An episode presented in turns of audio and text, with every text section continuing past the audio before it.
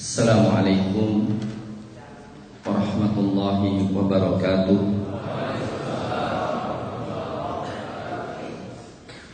Alhamdulillahirabbil alamin. Wal 'aqibatul husna illa 'alal zalimin. Asyhadu an la. Ilahul awwalin wal.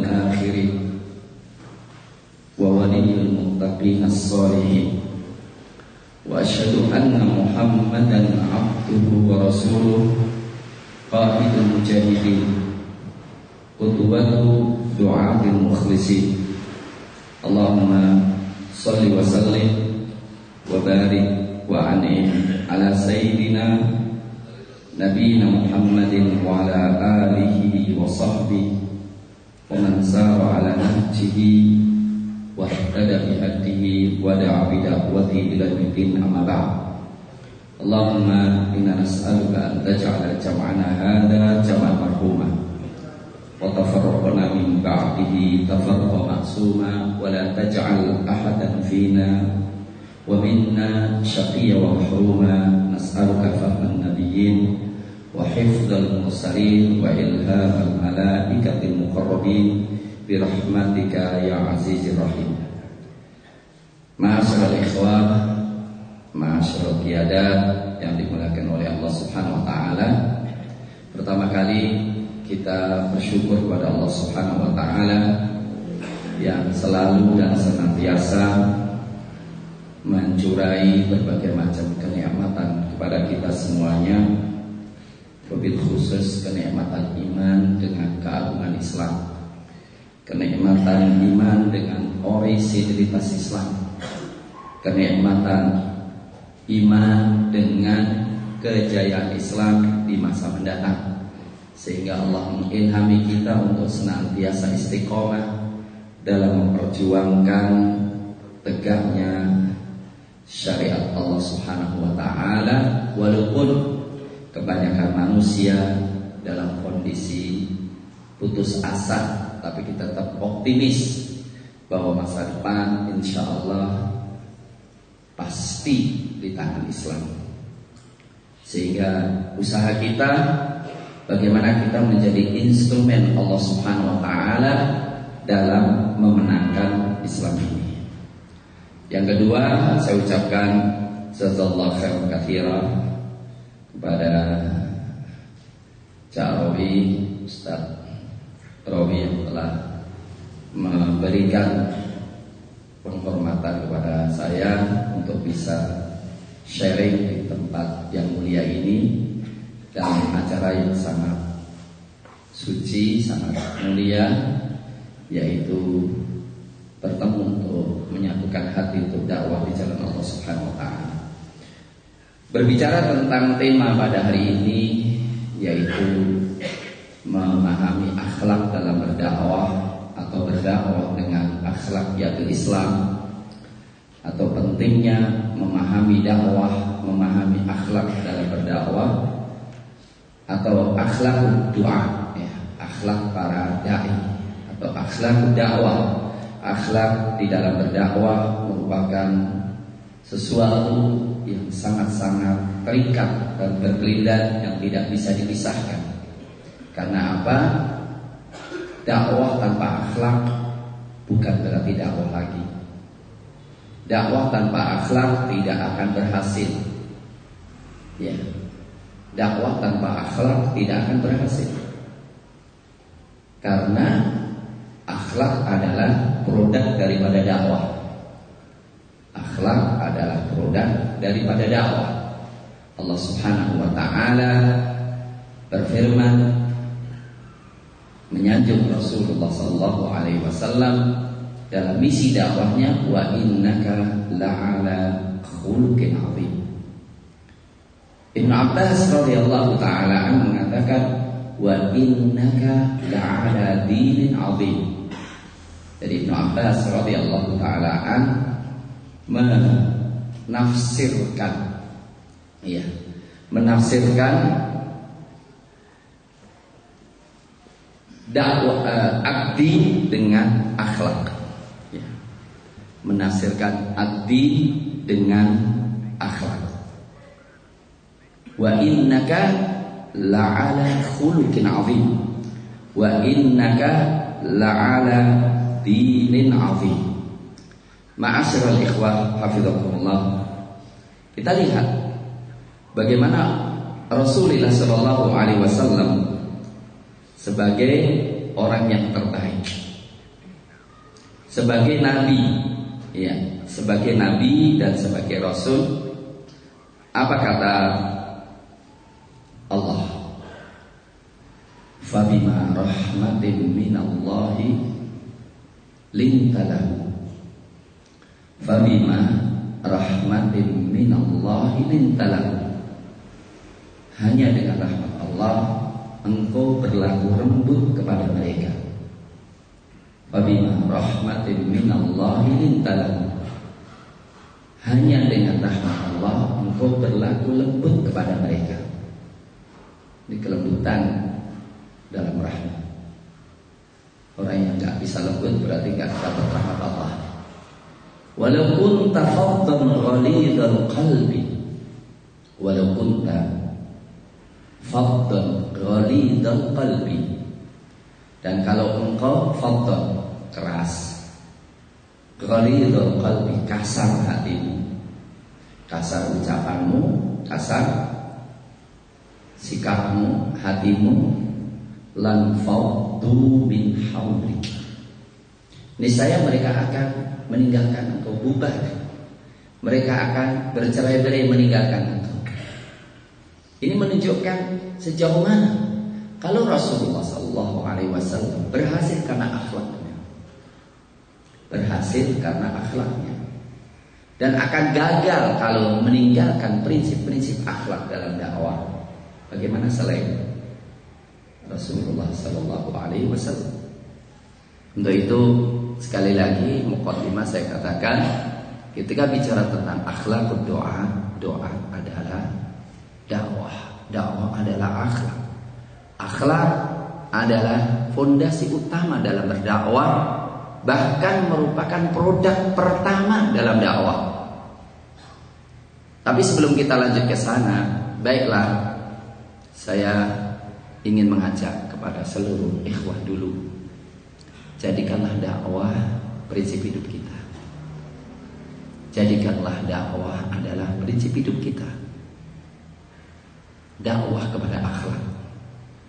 Berdakwah dengan akhlak adalah prinsip hidup kita.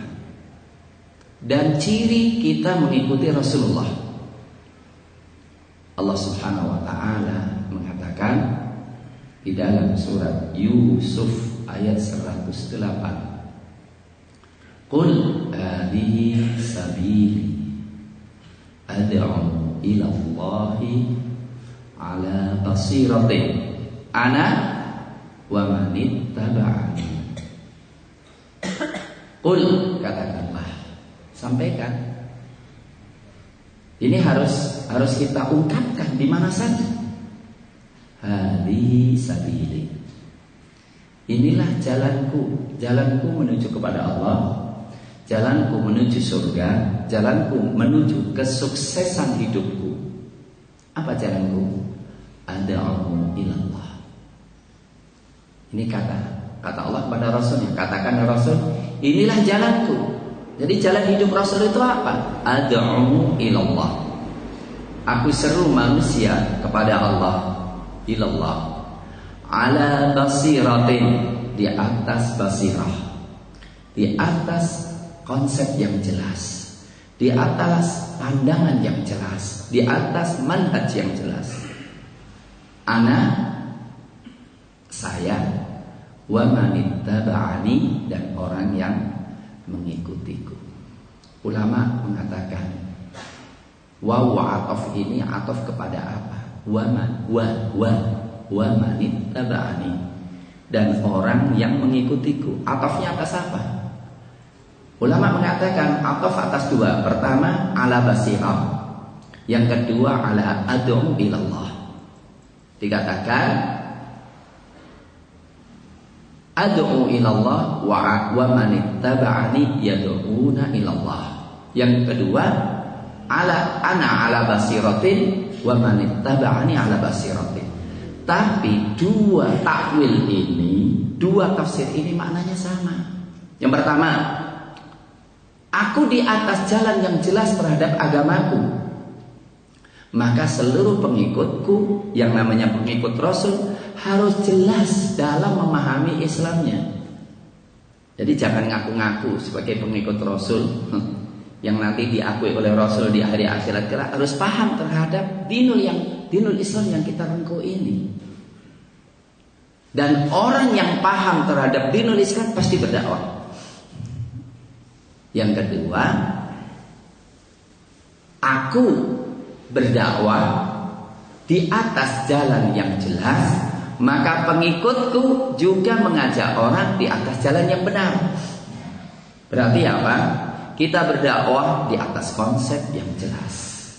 Maka tujuan yang pertama harus kita katakan, setiap kita harus berdakwah. Berdakwah dengan lisannya.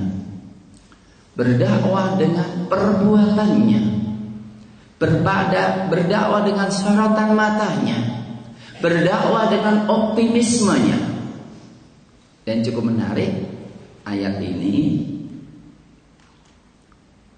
Di dalam surat Yusuf Yang diberikan contoh oleh Nabi Yusuf alaihissalam bahwa beliau tetap berdakwah di mana saja berada, termasuk di dalam penjara.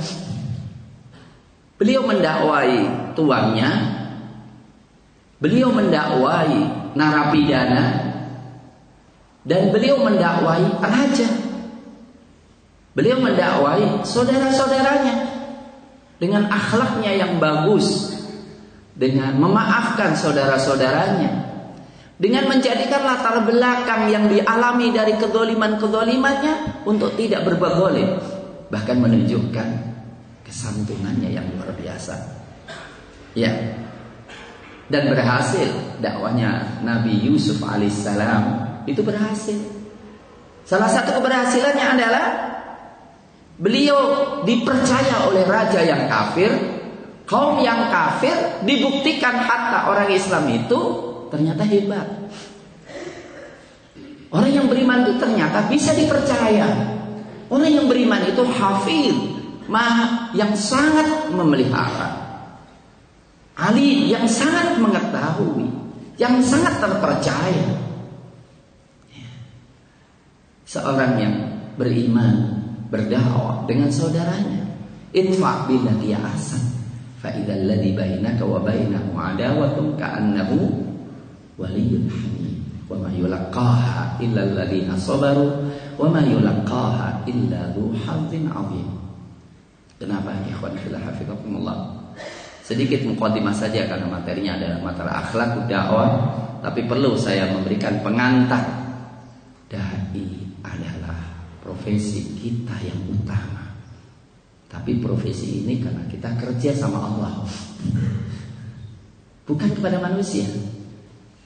Kita kerja ini untuk Allah dan tidak minta upah dari manusia. Itulah yang disampaikan oleh Rasulullah Sallallahu Alaihi Wasallam yang luar biasa, yaitu apa? Jika aradallahu bi'abdi khairan ista'malahu.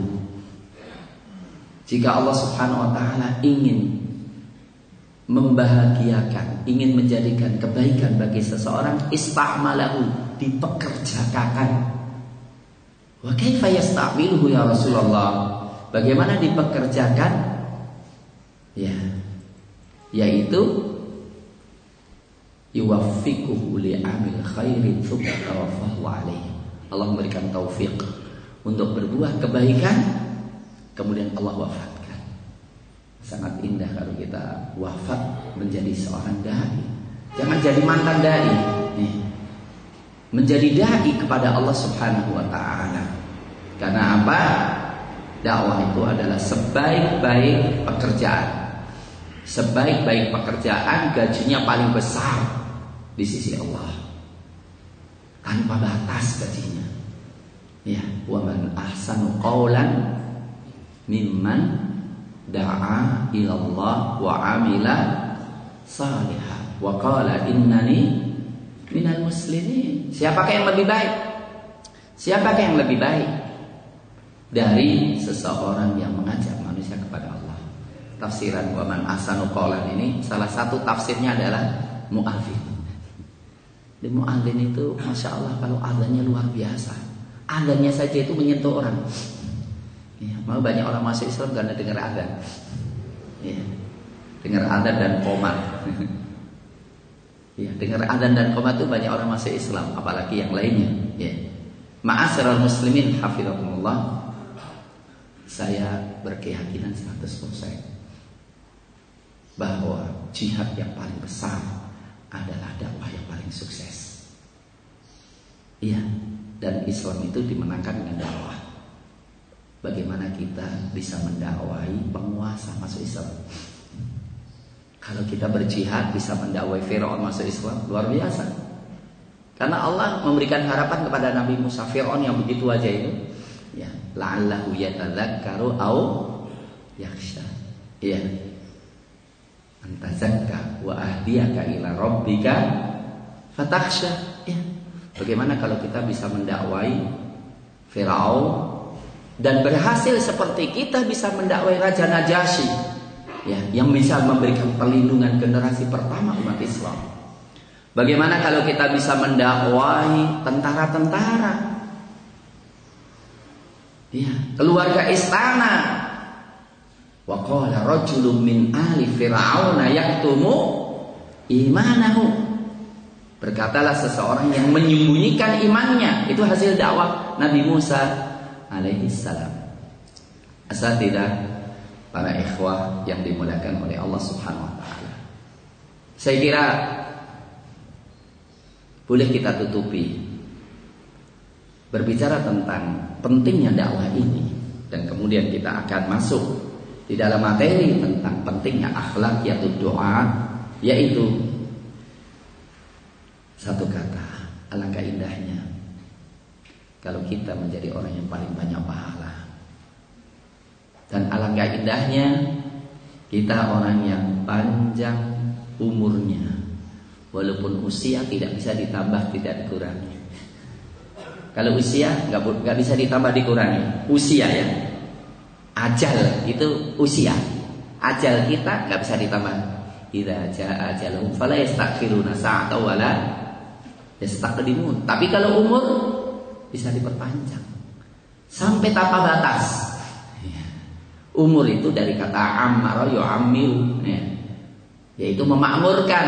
Ya. Jadi artinya hasil dakwah kita, hasil dakwah kita ini bisa memperpanjang umur kita. Karena adalu alal khairi fa'akafa'ili yang menunjukkan kepada kebaikan dia mendapatkan pahala sepertinya. Masya Allah Antum mengajari Al-Fatihah kepada seseorang. Al-Fatihah saja Benar. Mantap Dengan orang itu membaca Al-Fatihah Seumur hidup. Antum dapat pahala terus Maka perlu juga gitu ya Evaluasi bagi kita ya Anak kita bisa Al-Fatihah dengan siapa ya kira-kira ya Anak kita membaca Al-Fatihah Yang digunakan untuk sholat dengan siapa ya Coba kalau Al-Fatihahnya itu dengan kita, subhanallah, pahala sangat besar. Maka orang yang berdakwah mendapatkan royalti sepanjang hidupnya. Sehingga namanya diabadikan dalam Quran. Burung hudhud. Gitu ya. Kata-katanya itu diabadikan dalam Quran. Karena burung hudhud peduli dengan dakwah. Dan dengan beliau seluruh ahli Yaman masuk Islam. Jadi beliau burung hudhud ini itu lebih mulia daripada kita karena omongannya itu disebutkan dalam Quran. Termasuk juga jin yang tadinya berkolaborasi dengan para dukun gara-gara dengar Nabi Muhammad SAW sekali saja ngaji sekali aja pulang-pulang langsung jadi dai semuanya. Sehingga itu golongan jin yang ketemu dengan Rasul di Mekah itu itu pahalanya ngalir terus itu karena omongan mereka, dakwah mereka diabadikan dalam surat Al-Ahqaf. Ya qaumana ajibu da'i Allah wa. Ya, tukang sihirnya Firaun yang masuk Islam yang tadinya kolaborator dan pendukung tauhid gara-gara melihat kebenaran Nabi Musa alaihissalam masuk Islam omongannya itu dakwah. Ya faqfi antaqa. Silakan hukum Firaun apa yang kau hukum. Innama taqdi hadhil hayatad dunya. Inna amanna bi rabbina liyaghfir lana khatayana wa ma akrahtana min syuhada mereka itu menjadi madrasah sepanjang masa. Paginya kolaborator kesyirikan sorenya menjadi syuhada semuanya nah ini untuk itu sekali lagi ya para ikhwah yang dimuliakan oleh Allah Subhanahu wa taala alangkah indahnya ya saya ingin mengantarkan sedikit ya bagaimana dakwah itu menjadi ciri hidup kita. Ciri hidup kita.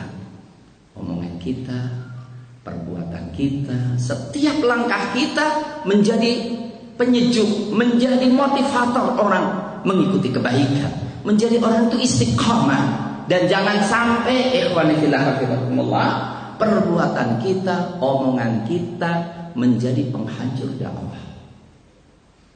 Karena Allah mengatakan wala takunu kalladzina kharaju min diyarihim bataran wa ria'an nas wa yasudduna an sabilillah. Itu Allah menasehati akhlak jihad. jihad juga perlu akhlak juga ya. Ya, surat apa namanya? Uh, Al-Anfal ya. 45, 46, 47 ya kalau salah ya.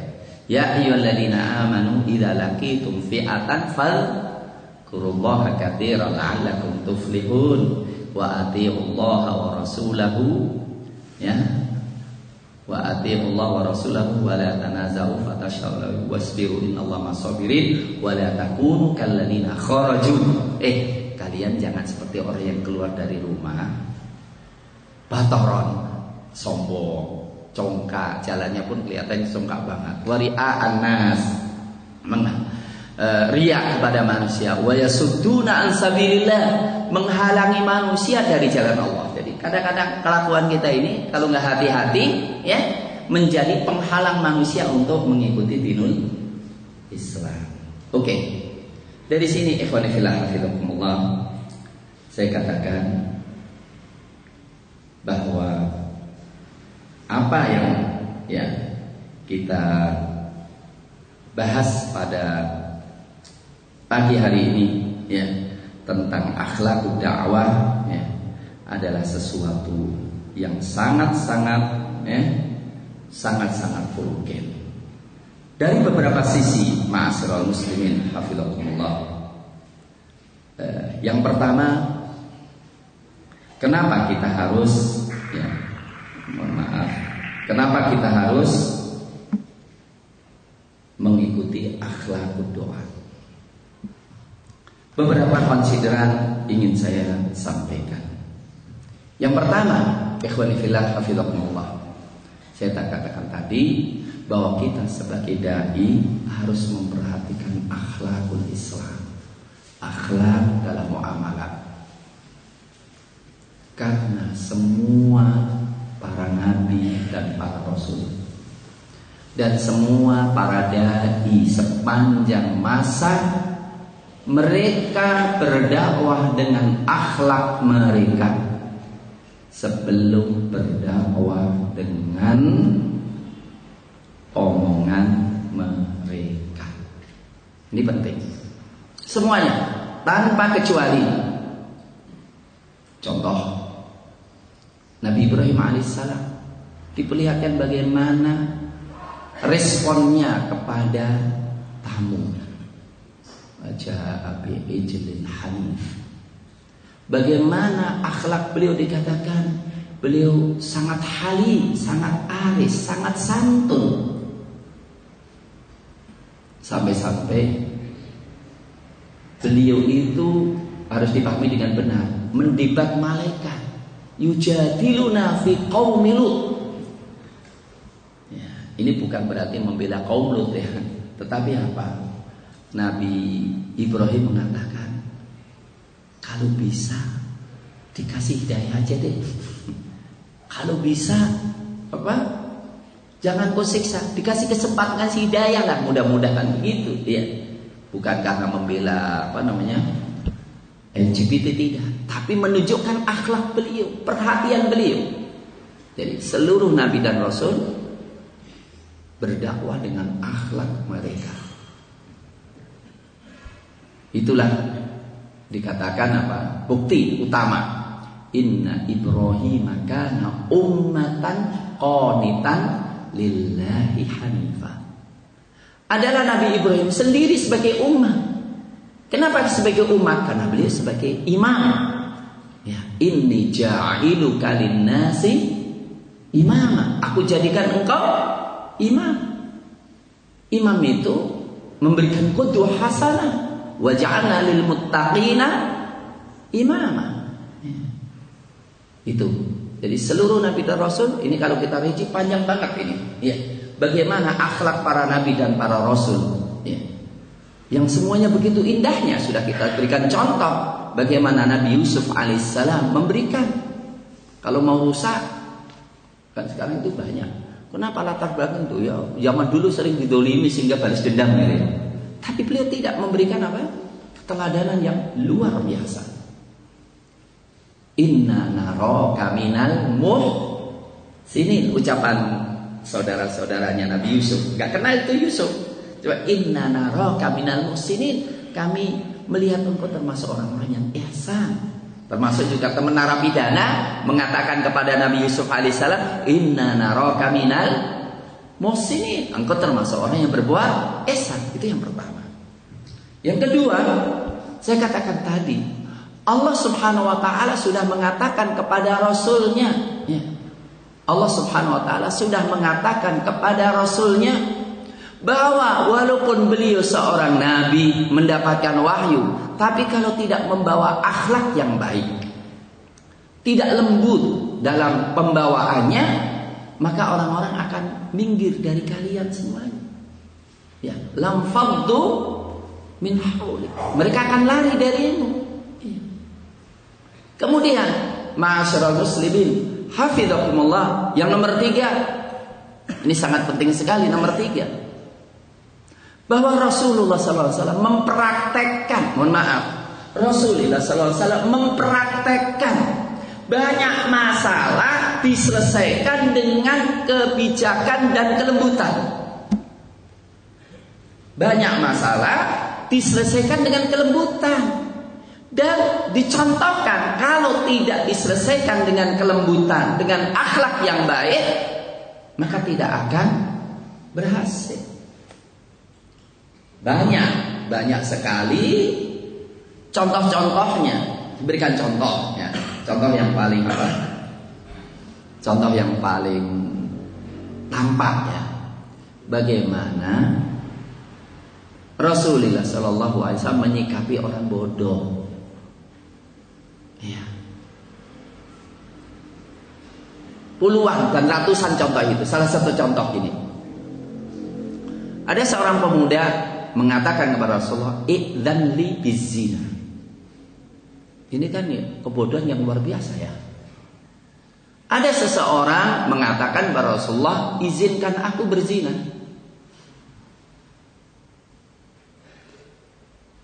Coba saya ingin tanya. Kira-kira Kok sampai ngomong itu apakah apakah dia itu tidak tahu kalau zina haram ya? Dan tanyanya kepada Rasul. Lo tanya kepada kita-kita itu agak ini tanya kepada Rasul. Eh dan di zina. Itu istilahnya kan kurang ajar ini sudah terlalu ya. Dan ternyata para sahabat fazajahu mereka menggertaknya. Mereka ingin mukulnya. Kata Rasul jangan. Udah Bayangkan aja. Dekatkan dia. Ya jauh gini, dekat-dekat sini, dekat sini. Ternyata Rasul mengajak dialog. Ini penting juga. Akhlak dialog. Disingkap itu. Atadzanu li ummik. Engkau ngizinkan gak kalau ibumu dizinai? Wallah La ardo dalika ya Rasulullah. Demi Allah aku nggak ridho kok ibuku dizinai. Perhatikan ini ini kalimat sederhana tapi akhlak yang luar biasa. Ata'lanu li ibn Hatib disebutkan satu persatu. Gimana kalau adikmu dizinai? Gimana? Hah? Kalau ibumu dizinai, bagaimana kalau saudara perempuan dizinai? Semua saudara-saudara disebutkan semuanya. Setiap kali ditanya, jawab wallahi la ya Rasulullah. Wa kadzalik. Ini ini akhlak ya. Akhlak teposiro. Sederhana aja, akhlak itu apa? Pergaulilah orang dengan sikap seperti engkau ingin orang lain mempergauli engkau. Kalau engkau tidak suka ibumu dizinai, ya jangan dong zinai ibu orang. Kalau saudara jangan, kalau saudaramu engkau nggak diri, jangan jangan semuanya sebutkan. Dan Rasulullah kemudian mengusap dadanya, Allahumma tahir qalbahu wa hassin farjahu. Ya Allah, sucikan hatinya dan jagalah kemaluannya. Berhasil nggak? Langsung orang itu mengatakan demi Allah tidak ada yang lebih di tidak ada yang lebih dibenci oleh orang tersebut melebihi. Selesai. Mohon maaf kalau orang ini kemudian dikebuki. Selesai masalah? Tidak ada masalah. Nggak akan selesai masalah. Itulah ikhwani fillah hafizakumullah menyikapi seseorang yang tepat dengan kelemah lembutan, bahkan perlu dengan apresiasi menyelesaikan masalah. Maka ada di antaranya pada zaman Sa'ad bin Abi Waqqas pada waktu perang Qadisiyah di satu episode peperangan Sa'ad bin Abi Waqqas jauh dari istrinya eh, tiba-tiba terjadi kekalahan di antara kaum muslimin dalam satu episode. Kocar kacir. Kemudian Abu Dujana melihat beliau di penjara gara-gara mabuk. Kemudian beliau melihat kaum muslimin kocar kacir minta izin kepada istrinya Sa'ad bin Abi Waqqas tolong kalau boleh saya pinjam kudanya Sa'ad bin Waqqas Tolong aku pinjam pedangnya saat di Abu Waqqas. Aku akan turun, aku akan tolong kaum muslimin. Setelah itu aku akan kembali ke penjara ini lagi kalau udah selesai. Diizinkan. Maka saat Abu Waqqas ketika melihat kalau lihat kuda ini kudaku ini. Kalau dilihat orangnya seperti Abu Dujana ini. Tapi kan dia sedang ke penjara.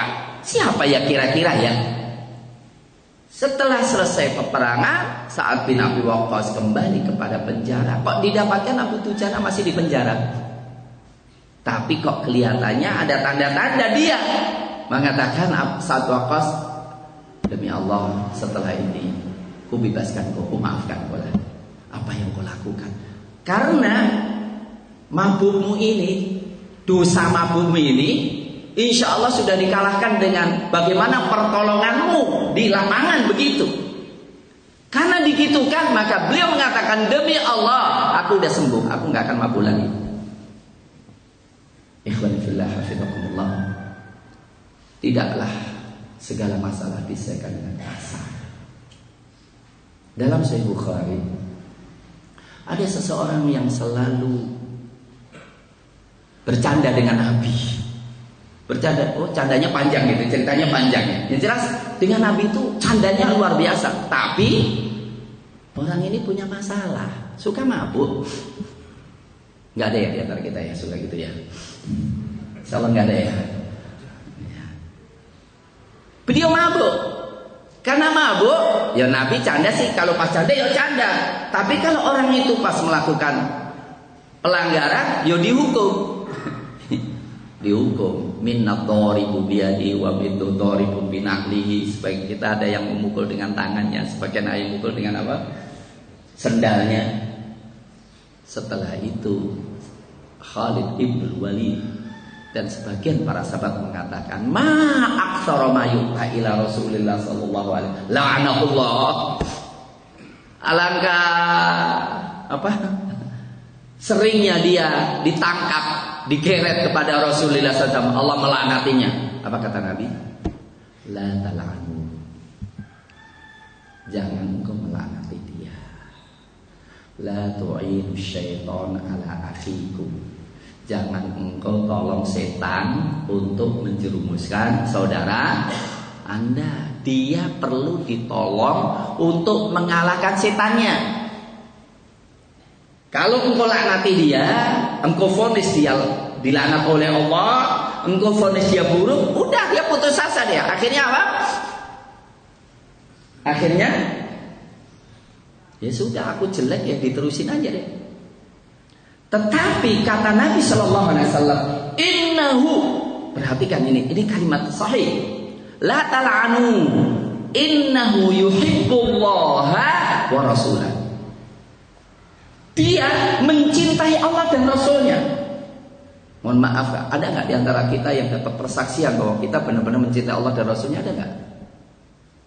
Gak Tapi dia mencintai Allah dan Rasulnya. Cuma sedang diuji oleh Allah Subhanahu Wa Taala menghadapi godaan dirinya sehingga dia mampu. Mohon maaf, nggak boleh loh omongan saya kemudian katakan nggak apa-apa aku udah juga mabuk gitu kan. Karena aku mencintai Allah dan Rasulnya. Ini dalil alaika bukan dalil laka gitu. Karena tidak ada di antara kita yang kemudian apa dapat persaksian dari Rasul gitu. Tapi yang jelas dengan demikian orang itu menjadi baik. Menjadi baik. Oke. Salah satu di antaranya yang sangat menarik dan maklum. Silahkan buka tafsir-tafsir tentang awal surat Al-Ghafir. Surat Al-Ghafir. Yaitu Rasulullah sallallahu uh, Umar ibn Khattab radhiyallahu taala an mendengar di antara rakyatnya ini ada yang suka mabuk. Kita tahu bahwa sikap Umar itu bermacam-macam loh. Ada yang pernah juga Umar bin Khattab radhiyallahu taala melakukan nahi mungkar itu ya dalam satu kisah Umar bin Khattab nahi mungkar apa namanya lompat pagar atau buka paksa pintu ya untuk melakukan nahi tapi kemudian didebat. Kalau engkau menyalahkan saya dalam satu sisi tapi aku menyalahkan engkau dalam berbagai sisi di antaranya engkau masuk rumah tanpa izin Wah, dia dia ber, berbagai macam dan Umar mengaku itu. Ya. Nah, di sini Umar bin Khattab tidak langsung terjun, tapi nahi mungkarnya dengan kalimat. Kalimatnya apa? Min Amiril Mukminina Umar bin Khattab ya ahmadullah ilaika la ilaha illahu hamid tanzilul kitab min Allahil azizil alim ghafiriz dzambi wa qabilit taubi syadidil iqabi dzit tawul la ilaha illahu ilaihi masih. Itu aja. Wassalam. Ternyata ketika orang itu membaca pertama dapat surat cinta dari Amirul Mukminin. Nggak sembarang loh surat cinta dari Amirul Mukminin. Kemudian surat cintanya isinya apa Ghafiri dambi Allah itu mengampuni dosa loh Syadidil iqab. Tapi sangat keras hukumannya loh. Zitaul yang selalu meluberkan nikmatnya kepada anda. La ilaha illahu. Tidak ada ilah yang berhak disembah kecuali dia. Gue cari ilah yang mana kalau gue diusir oleh Allah? Ilahil masih dan gue kembali pada Allah.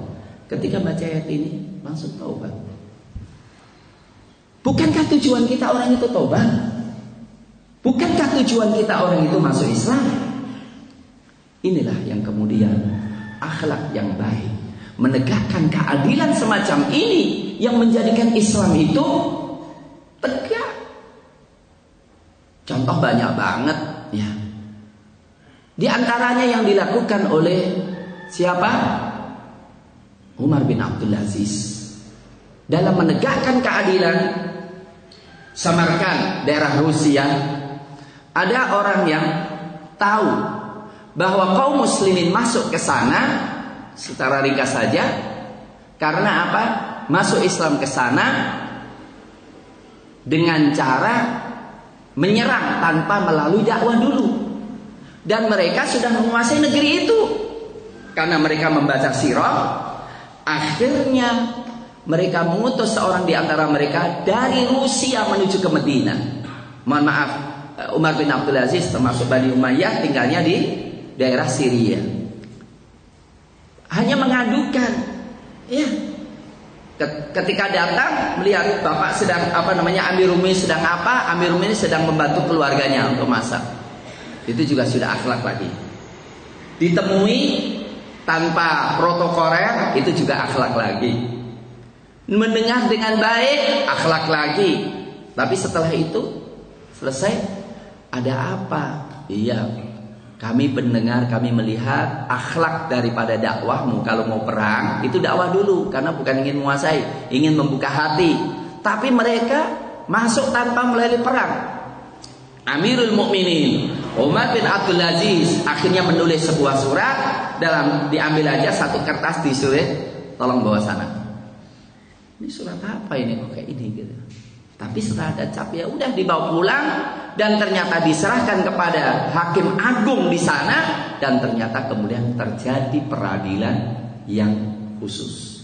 Apa peradilannya? Mengecek apakah benar mereka memasuki negeri itu melalui dakwah dulu atau langsung perang. Ternyata dibuktikan bahwa mereka benar-benar masuk tanpa melalui dakwah dulu. Akhlak dai adalah dakwah dulu. Ya. Dakwahnya apa? Kita lihat. Tiga, satu, masuklah Islam. Kalau anda Islam, kami tidak ambisi sama sekali dengan kekuasaan kalian.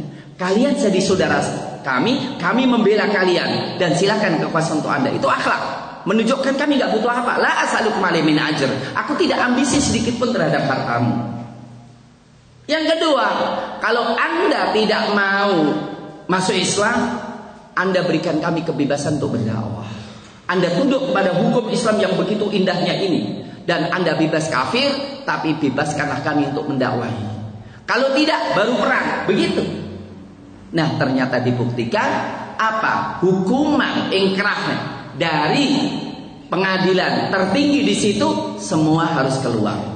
Ketika mereka melihat mereka sudah berkuasa, tapi dengan sukarela keluar untuk memulai dakwah lagi, baru keluar semua sudah mengatakan la ilaha illallah Muhammadur Rasulullah. Ma'asyiral muslimin, hafizakumullah. Saya ingin mengatakan bahwa akhlak kita dalam dakwah perlu sekali. Contoh-contoh ini ribuan ikhwan fillah hafizakumullah. Ribuan. Bagaimana orang tidak terkagum-kagum dengan Imam Syafi'i ketika beliau mencontohi salah satu di, di antara muridnya Yunus Abdul A'la bin Abdul A'la itu berdebat dengan beliau. Dan Yunus ini marah, tinggalkan gurunya Imam Syafi'i itu. Apa yang terjadi? Imam Syafi'i langsung datang ke rumahnya. Kaget Yusuf, Yunus Abdul Ala kaget. Yang datang siapa? Ternyata yang datang Imam Syafi'i. Pertama kali dipeluknya Yunus. Yunus, engkau belajar denganku. Dan engkau setuju dengan berbagai masalah. Cuma nggak setuju dengan ini kenapa? Kita berpisah. Alangkah indahnya kita tetap berangkulan. Ya, walaupun kau tidak setuju denganku. Subhanallah. Ini akhlak yang luar biasa. Maka Imam Ahmad bin Hambal menjadikan ketika melihat Imam Syafi'i akhlaknya begitu hebatnya, hasilnya apa? Luar biasa loh. Hasilnya tahu? Gak tahu kira-kira ada nggak yang di antara kita dapat hasil itu tidak? Laqad da'utu lil imam Syafi'i fi sujudi arba'ina sana. Aku telah mendoakan guruku Imam Syafi'i dalam sujudku 40 tahun. Ya Allah, Imam Ahmad yang luar biasa itu mendoakan gurunya 40 tahun dalam sujudnya. Maka Imam Syafi'i itu kalau berdebat apa? Tidaklah aku mendebat seseorang kecuali saya memimpikan kebenaran muncul dari mulutnya sehingga saya dengan mudah untuk mengikuti kebenaran yang dia bawa. Walaupun beliau mengatakan ra'yi pendapatku benar, tapi mungkin salah. pendapatku benar walaupun mungkin salah. Walaupun pendapatku aku yakini benar, tapi mungkin salah, maka tidak ada salahnya saya dengar omongan dia dong. Pendapat dia salah, tapi mungkin benar. Apa halangan saya mendengarkan dia? Itu Imam Syafi'i rahimahullah. Wa inna au iyyakum la'ala hudan au fi dolalim mubin. Mohon maaf. Bukankah Rasul itu mengakui kalau meyakini kalau dirinya benar? Tapi kenapa Allah mengatakan wa inna mungkin kami au iyakum atau kalian la ala hudan bisa di atas petunjuk au fi mubin atau di atas kesesatan yang nyata. Artinya gini loh. Sebetulnya ayat itu menunjukkan engkau dalam kesesatan yang nyata. Tetapi untuk dibuka kesem kalau orang itu langsung difonis, oh sesat sesat.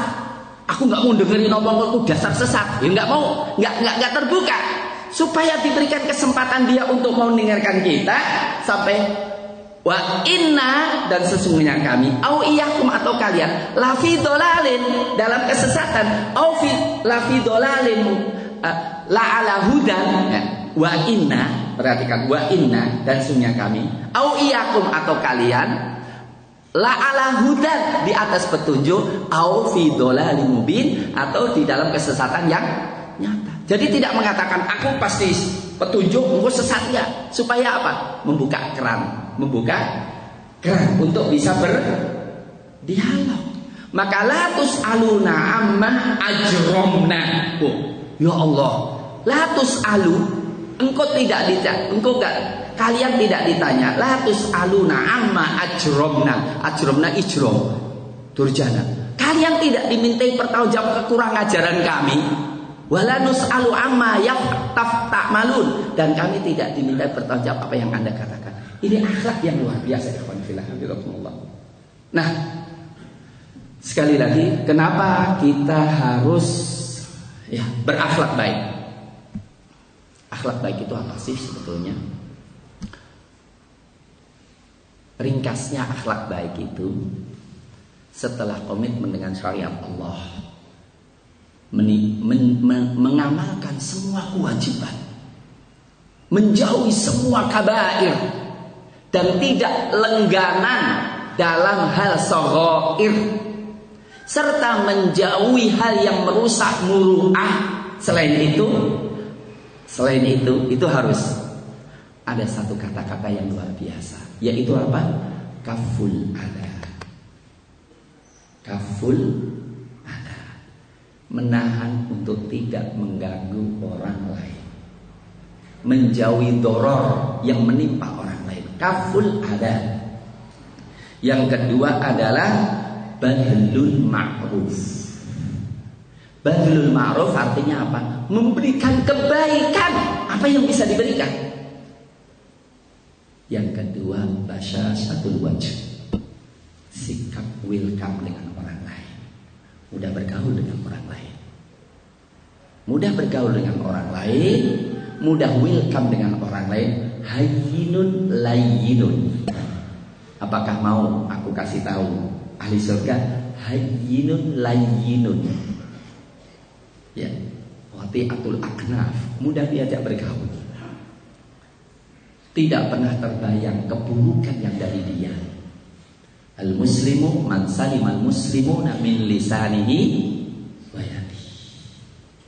yang kedua, akhlak yang baik itu badul ma'ruf, memberikan kebaikan apa saja yang diberikan. Seperti katakan Rasulullah SAW, sangat termawan melebihi hembusan angin. Subhanallah. Jawab sangat pemurah, kain sangat pemurah. Kemudian bahasa satu wajh, welcome dengan orang lain. Al-mu'minu alifun yaklaf wa yulaf. Orang beriman itu supel ikhwan. Supel. Yaklaf wa yulaf. Mudah diajak bergaul dan mudah mengajak bergaul. Menyapa duluan. Antusallim ala man arafta walam la ta'rif. Engkau memberikan salam kepada orang yang engkau temui atau enggak temui. Itu akhlak yang baik. Nah, ma'asyiral muslimin maka termasuk akhlak bagaimana kita memaafkan. Bagaimana kita berlaku lembut untuk mengetuk hati seseorang? Karena apa? Rasulullah menegaskan dalam hubungan apa namanya? hubungan suami istri ya. Ya. Arifku la yakunu bi syai'in illa zanahu wal ghilbatu wasyiddatu la yakunu bi syai'in illa. Tidak ada kelembutan kecuali mengindah, menjadikan indah dan tidak ada kasar kecuali menjadikan sesuatu itu rusak. Kita lihat ini.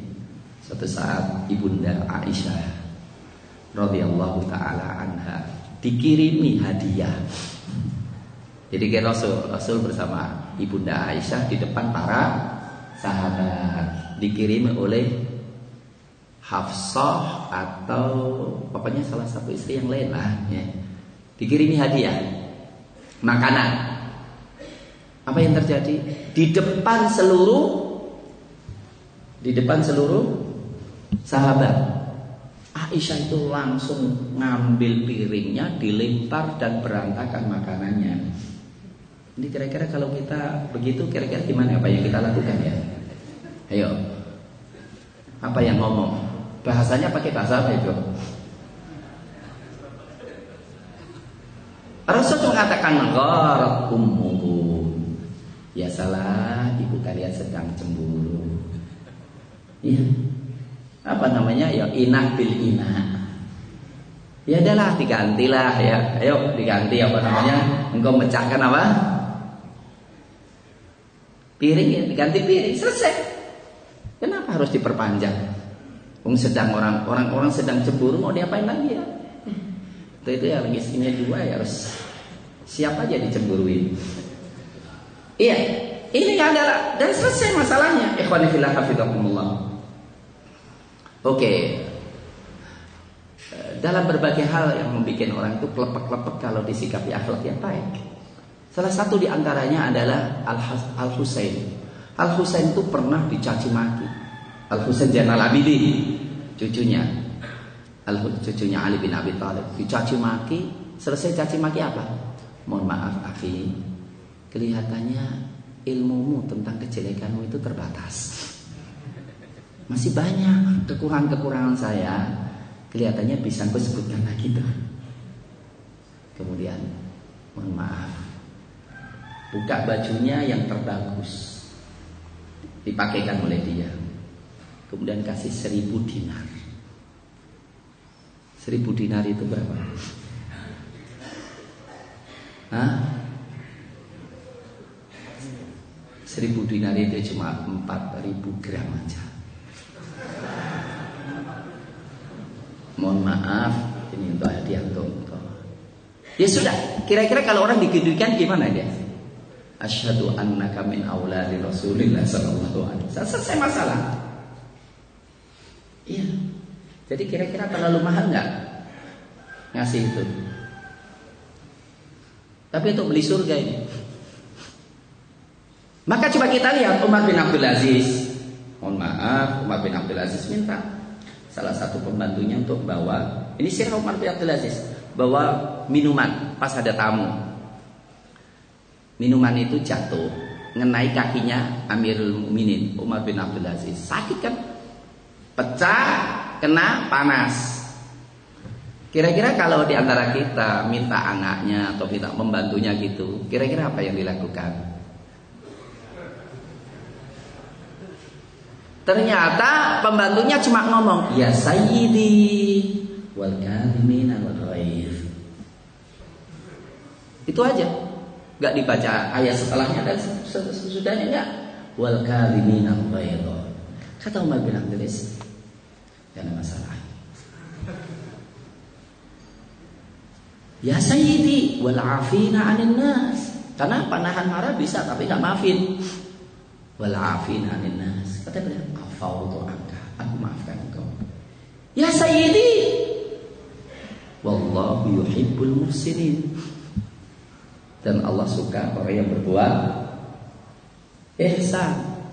Engkau merdeka karena Allah. Bayangkan, bikin salah malah merdeka dia. Karena apa? Budak sih budak tapi ngaji. Untuk itu nyindir tuannya dengan ayat. Supaya nggak ketahuan nyindir, cuma potongan aja, nggak usah dibaca. Sayyidi, bukankah engkau tahu Allah Subhanahu berfirman, "Wasari'u ila magfiratin min rabbikum wa jannatin 'arduha as-samawat u'iddat lil muttaqin alladzina yunfikuna fis sarra wad dharra wal kadhiminal ghaidha wal 'afina wallahu yuhibbul muslimin." Di kampung itu mungkin. Tetapi dia tahu tuannya itu apa, maka cukup wal kadhiminal ghaidha. Itu surga loh wal kadhimin al loh itu. Maka dia katakan, siapa sih? Tahan, aku nggak marah, tenang aja. Wal afina 'anil nas. Ya udah aku maafin engkau. Wallahu yuhibbul muslimin. Allah berbuat ihsan, masuk surga ya. Umar bin Abdul Aziz kok dikituin? Bagus. Inilah dulu itu. Walaupun pembantu ulama, ahli usul fikih dia. Ya, ahli usul fikih itu. Untuk itu coba. Pertama kali bagaimana kita berakhlak dengan istri kita. Bagaimana istri kita marah, jangan kita lawan dengan marah. Tapi dengan satu hadis, nggak tahu akibatnya apa yang terjadi setelah hadis itu disampaikan. Saya kira semua kita itu pernah dimarahi oleh istrinya. Atau istri melawan kemarahan dengan kemarahan. Kira-kira seperti orang ahli Mesir yang datang kepada Amirul Mukminin kemudian apa? Nggak masuk-masuk nunggu lama tapi dengar suara dalam itu. Istrinya apa? Cerewet banget gitu kan. Akhirnya beliau kan pulang aja langsung balik. Ketika balik sini sini sini. Umar bin Khattab keluar. Ada apa kok? Kok dari jauh kelihatannya? Iya dari jauh. Ada apa? Udah selesai? Loh kok udah selesai? Engkau ada masalah apa? Aku sebetulnya ingin mengadukan istriku yang terlalu cerewet kepada engkau ya Imrul ini. Tapi ternyata engkau lebih dicerewetin. Lah kalau istriku cerewet kepada aku wajar aku orang biasa. Lah kok engkau dicereweti sama istrimu? Dan ternyata engkau lebih sabar dari kau selesai urusannya. Tapi gini aja deh. Sebetulnya rahasianya apa engkau bisa sabar dengan istrimu? Nah, Ternyata Amirul Mukminin mengatakan ketika dia cerewet yang kupikirkan adalah kebaikannya. Itu Quran, akhlak Quran loh. Kata Allah, mau cerai, walatan sawul fadla bainakum. Kalau cerai, walaupun udah cerai nih, walatan sawul fadla, jangan sampai melupakan kebaikan satu sama lainnya. Umpamanya, kita ada seorang menceraikan istrinya, sudah dibayar apa? separuh atau sudah dibayar semua maharnya tapi belum dikumpulin kan mestinya dikembalikan separuh ya mestinya suami ngomong sungguh engkau adalah wanita yang terbaik. Akulah laki-laki yang tidak tahu diri. Untuk itu silahkanlah ambil 100% gak usah separuh. Si istri ngomong wahai pemuda yang sangat indah begitu. Yang salah bukan engkau akulah wanita yang terburuk di dunia. Aku sangat memahami engkau terbaik karena kesalahanku. Maka sudah wajar ambillah semua mahar ini karena engkau akan menikah wanita yang enggak, engkau adalah wanita yang terbaik bukan saya. Kira-kira kalau begitu gimana itu ya? Selesai masalah. Anda itu ingin cerai atau ingin terus gitu ya? Ingin ngorot-ngorot biaya atau kan lebih baik di maintenance yang lama daripada itu kata Allah dalam perceraian Allah katakan wala tansawul fadla bainakum. Wa antakrahu syai'a. Engkau membenci keburukan satu wa yaj'alallahu fi khairan katsira. Allah membuat kebaikan. Artinya apa? Ubah Ibn Khattab mengatakan dia mencaci maki aku. Yang ku ingat apa? Dia sudah memberikan seluruh kebaikan dia sudah memberikan kehormatannya untukku. Dia menjaga, maka aku sadar, selesai masalahnya. Dan itu saling memahami kebaikan suami istri, itulah yang dilakukan. Kenapa? Khadijah radhiyallahu taala anha memiliki andil yang besar kepada Rasulullah karena beliau memahami kebaikan-kebaikan Rasul. Ketika Rasul menerima wahyu dan beliau ketakutan kalau yang datang itu setan atau siapa? Wallah la yukhzikallahu abadan. Demi Allah, Allah tidak menghinakan engkau selama-lamanya. Innaka la tasilur rahim. Engkau menyambung silatur Wa tukri dan engkau ha? menghormati tamu. Wa tu'inu ala nawaibil haq dan engkau membantu orang yang mendapatkan musibah. Wa tuksibul ma'dum. Dan engkau mencarikan pekerjaan orang yang tidak punya pekerjaan. Wa tahmilul kalla. Dan engkau memikul beban orang yang nggak bisa kerja sama sekali. Artinya ini kebaikan demi kebaikan demi kebaikan. Adapun ikhwan fillah kata-kata yang lembut. Bisa menyatukan hati tapi salah bicara bisa memporak-porandakan wa imma yanzaghannaka minasyaitani nazghun fasta'id billah innahu samiun alim. Ikhwani fillah hafizakumullah. Akhlak yang baik itu begitu dan itu yang dijalankan oleh siapa? Abu Bakar As-Siddiq radhiyallahu taala anhu. Abu Bakar radhiyallahu taala anhu salah satu akhlak yang luar biasa yaitu apa? Kita lihat Salah satu di antara yang menyebarkan berita dusta tentang ibunda Aisyah adalah saudaranya. Gak usah sebut namanya aja deh. Ya, saudaranya. Apa yang terjadi? Jadi orang itu telah di backup oleh Abu Bakar. Hidupnya itu di backup oleh Abu Bakar. Ikut nyebarkan berita. Apa yang terjadi?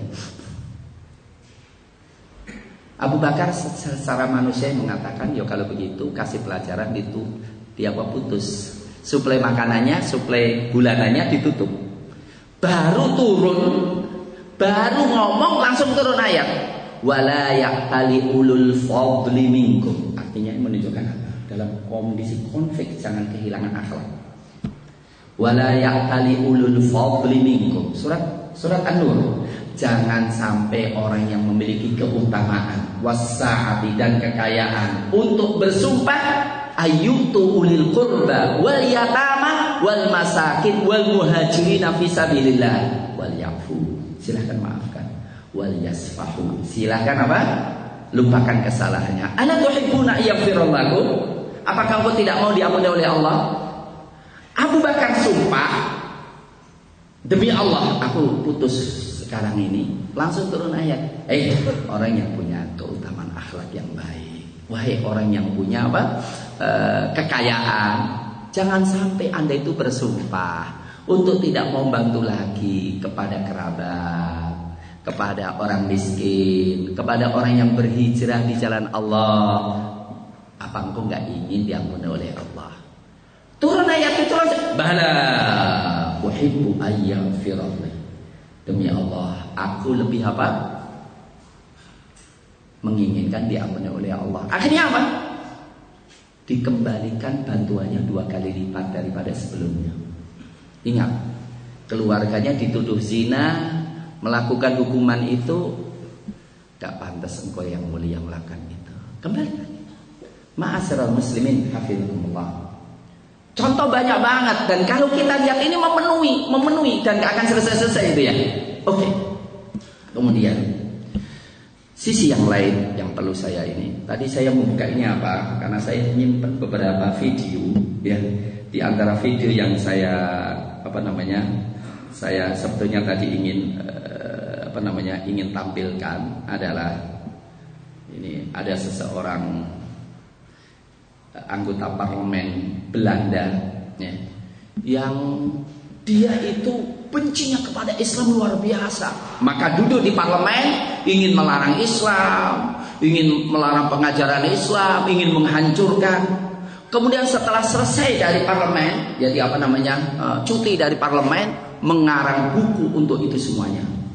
Ternyata kemudian terakhir kali setelah dia mempelajari Islam, didapatkan ternyata ajaran Islam selama ini didapatkan dari image yang ditulis oleh orang-orang orientalis. Dia mengatakan Islam itu gak toleran. Udah selesai waktunya ya, ya udahlah. Berapa pun boleh lah. Remote kontrolnya sama antum. Saya katakan ternyata apa ikhwanillah hafizakumullah dia selama ini membuat eh, ini benar akhlak yang buruk. Ternyata ikhwan fillah, akhlak yang baik dicintai oleh semua manusia walaupun orang kafir. Dan akhlak yang buruk menjadikan membenci Islam karena dapat image buruk tentang kaum muslimin dengan Islam. Dia mengatakan, ternyata saya mendapatkan apa yang saya yakini selama ini berlawanan dengan bukti sejarah dan ajaran Islam. Ternyata ajaran Islam itu innallah ya'muru bil adli wal ihsan wa ita'idil qurba wa yanha 'anil fahsya'i wal Ternyata aku dapatkan la yanhaakumullahu 'anil ladzina lam yuqatilukum fid dini wa lam yukhrijukum min diyarikum an tabarruhum wa tuqsitu ilaihi. Orang kafir pun kita harus memberikan kebaikan sama dia. Bahkan apa?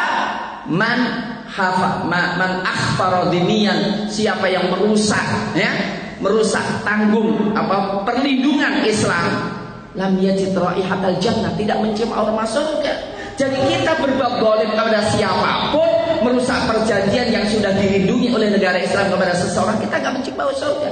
Maka setelah itu dia masuk Islam. Jadi saya katakan ikhwan fillah hafizakumullah. Orang kafir memusuhi Islam ternyata banyak sekali karena apa?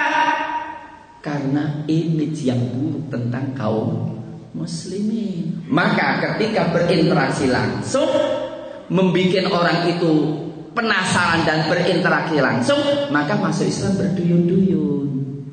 Apa yang terjadi? Pengeboman, uh, eh, WTC. Ternyata dibuktikan itu bukan perbuatan kaum muslimin. Ya, itu ternyata rekayasa intelijen. Ya. Dan ternyata dari situ ketika Islam dicaci maki, mereka kemudian mencari bukti, ya, mempelajari kitab-kitab suci, mempelajari Al-Qur'anul Karim dan terbukti Al-Qur'an mengajarkan akhlak yang baik. Maka kemudian mereka masuk Islam. Apalagi mohon maaf, kenapa sekarang Ya, contohnya di Inggris saja, ya, tidak kurang daripada tujuh kepala daerah Islam 15 sekolah terbaik di Inggris adalah Islam. Maka sudah wajar ikhwan fillah sudah diprediksi tahun 2025 bahwa Eropa itu sudah Islam. Iya, jadi orang-orang Eropa sudah yakin benar bahwa Islam akan masuk Eropa. Itulah yang kemudian di dalam hadis riwayat Imam Bukhari ya ketika Heraklius ketemu dengan apa namanya Abu Sufyan, pertanyaan Heraklius kepada Abu Sufyan di antaranya dengan apa Muhammad itu berdakwah? Dengan silaturahim, dengan berbuat baik, dengan dengan apa kesetiaan dan lain-lainnya? Kemudian dikomentari ya dikomentari apa? Idan saya memiliku mau diakodamaya ada kalau begitu Muhammad pasti menguasai tempat dudukku ini Artinya ikhwan fillah Orang yang berakhlak dengan akhlak yang baik Menyatukan jangan memecah belah. Membangun ukhuwah dan jangan permusuhan. Maka kunci akhlak adalah pergaulan. Salah satu di antaranya ikhwan fillah Jadilah kita orang yang mempersatukan kaum muslimin Dan jangan memperpecah belah.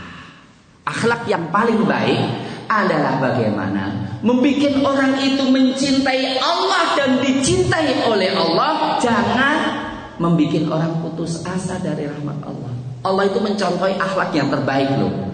Ya ibadiyalladzina asrafu ala anfusihim la taqnatu mirrah. Matilah. Hei hamba-hambaku yang mendolimi dirinya sendiri. Dengan zina, dengan apa? Jangan anda putus asa dari rahmat Allah. Maka ada seorang kafir datang kepada Nabi ya Nabi Allah. Aku ingin masuk Islam, tapi syaratnya apa? Dosaku diampuni. Aku sudah banyak zina, aku sudah punya syirik, aku sudah banyak berkhianat, aku sudah banyak membunuh. Aku kata Nabi diampuni semua kodoroti dan kekurangan ajaran saya, gampang lihat. Iya, semuanya diampuni oleh Allah. Orang itu masuk Islam. Ikhwan fillah Iya. Saya katakan demikian karena apa? Mohon maaf. Kadang-kadang para dai itu yang membuat orang lari dari Allah. Yang membuat perpecahan di antara kaum muslimin. Maka mestinya kita paham bahwa menyatukan kaum muslimin adalah sesuatu yang sangat inti dalam Islam. Mari kita sebagai dai di antaranya kita munculkan, kita menyatukan wa allafa baina qulubi. Wa baina. Jadilah kita pemersatu. Miliklah, milikilah akhlak toleransi yang tinggi dalam perbedaan. Satukan Islam dalam prinsip-prinsip yang benar. Dan jangan sampai perbuatan kita, sikap kita memecah belah kaum muslimin. Untuk itu, bukankah Rasulullah SAW bersabda, maukah aku tunjuki pahala yang lebih besar daripada banyaknya sodako, banyaknya sholat, yaitu islahu menyatukan orang yang berpecah belah. Ternyata ikhwah, hafidhahumullah, setelah terjun ke dunia gerakan Islam, mohon maaf, setelah terjun ke dunia gerakan Islam sekian lama lebih daripada 35 tahun atau 40 tahun kita dapatkan ternyata oh kita baru paham kenapa di dalam Al-Qur'an fa'aslihu baina wa in ta'ifatani minal mu'minina tatalu fa'aslihu kalau di antara dua orang beriman berperang wah jadi berperang itu masih beriman ya Nah ini sebagian jamaah ngomong apa? Kafir kalau nggak masuk Islam. Kalau nggak masuk apa? Mohon maaf, nggak masuk jamaahnya. Ya Allah, pertama kita nggak kenal jamaah dia dan nggak kenal dengan imamnya. Kemudian ngomong yang nggak masuk jamaah kita adalah kafir. Ini, ini, mohon maaf, mohon maaf. Orang yang menentang Amirul Mukminin Ali bin Abi Thalib jelas itu Amirul Mukminin. Kata kita Imam Ali apa? Mereka kafir. Enggak. Minal kufri faru. Mereka orang kafir. Tidak. Bahkan mereka lari dari kekufuran. Lu siapa mereka? Ikhwanuna alaina. Mereka saudara kita, cuma sedang nakal. Maka kita gebuk ketika menggebuk kita. Kalau sudah lari, yuk biarin lari. Mudah-mudahan tobat. Artinya ternyata kenapa pahala mendamaikan saudara sesama kaum muslimin itu apa? Pahalanya besar. Karena apa? Kalau sudah berpecah belah Islam akan ha habis. Inna tahliku sya'ra walakin tahliku din. Dia itu tidak mencukur rambut tapi yang dicukur adalah agama. Habis. Mohon maaf, saya katakan perlu akhlak yang luar biasa di antara para dai. Karena apa? Ada kata-kata gini.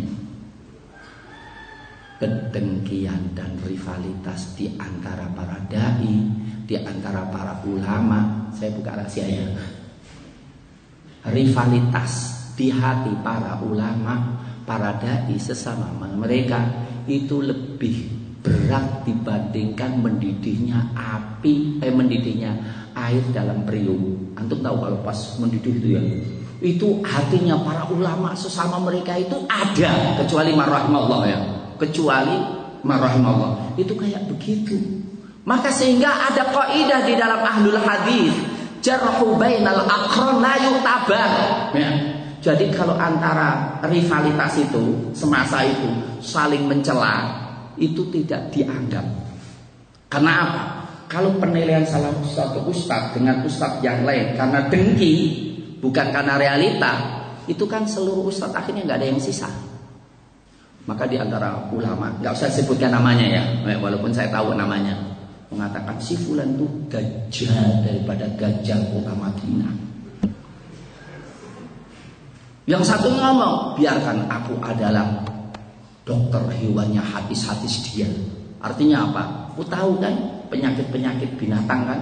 Jadi di antara hadis-hadis itu ada yang diseludup-seludupkan. Aku akan ngorek. Artinya kalau ini satu sama lainnya diberlakukan, berarti hadis kedua ulama itu tidak di Pakai lagi. Artinya apa? Salah satu di antara akhlak doa, satukan jangan pecah belah. Dekatkan dengan jauhkan. Sinergikan dan jangan saling menjengkel. Dan ini akhlak yang terbaik pada zaman sekarang. Saya kira demikian ma'asyiral muslimin. Hafizahumullah ya. Saya kira karena ini kita bicara tentang kehidupan tidak akan habis-habisnya dan mohon maaf atas segala kekurangan. Wa jazakumullahu katsiran. Aku lupa lihara. wa astaghfirullah liwalakum. Allahumma alif bina bainal muslimin. Allahumma alif bina bainal muslimin. Allahumma alif bina bainal muslimin. Allahumma ja'alna Allahumma ja'alna mafatihalikul khair wa maghaliqul kulli Allahumma hdina li ahsanil akhlaq la yahdina li ahsaniha la anta. Wasrif anna sayyi'aha la yasrif anna sayyi'aha. Allahumma ati nufusana taqwaha wa zakkiha anta khair zakkaha anta waliyuha wa maulaha bi ya rahmat rahimin. Wa sallallahu ala nabiyyina Muhammadin wa ala alihi wa sahbihi wasallam. Subhana rabbika rabbil izzati amma yasifun wa salamun alal mursalin walhamdulillahi rabbil alamin. Assalamualaikum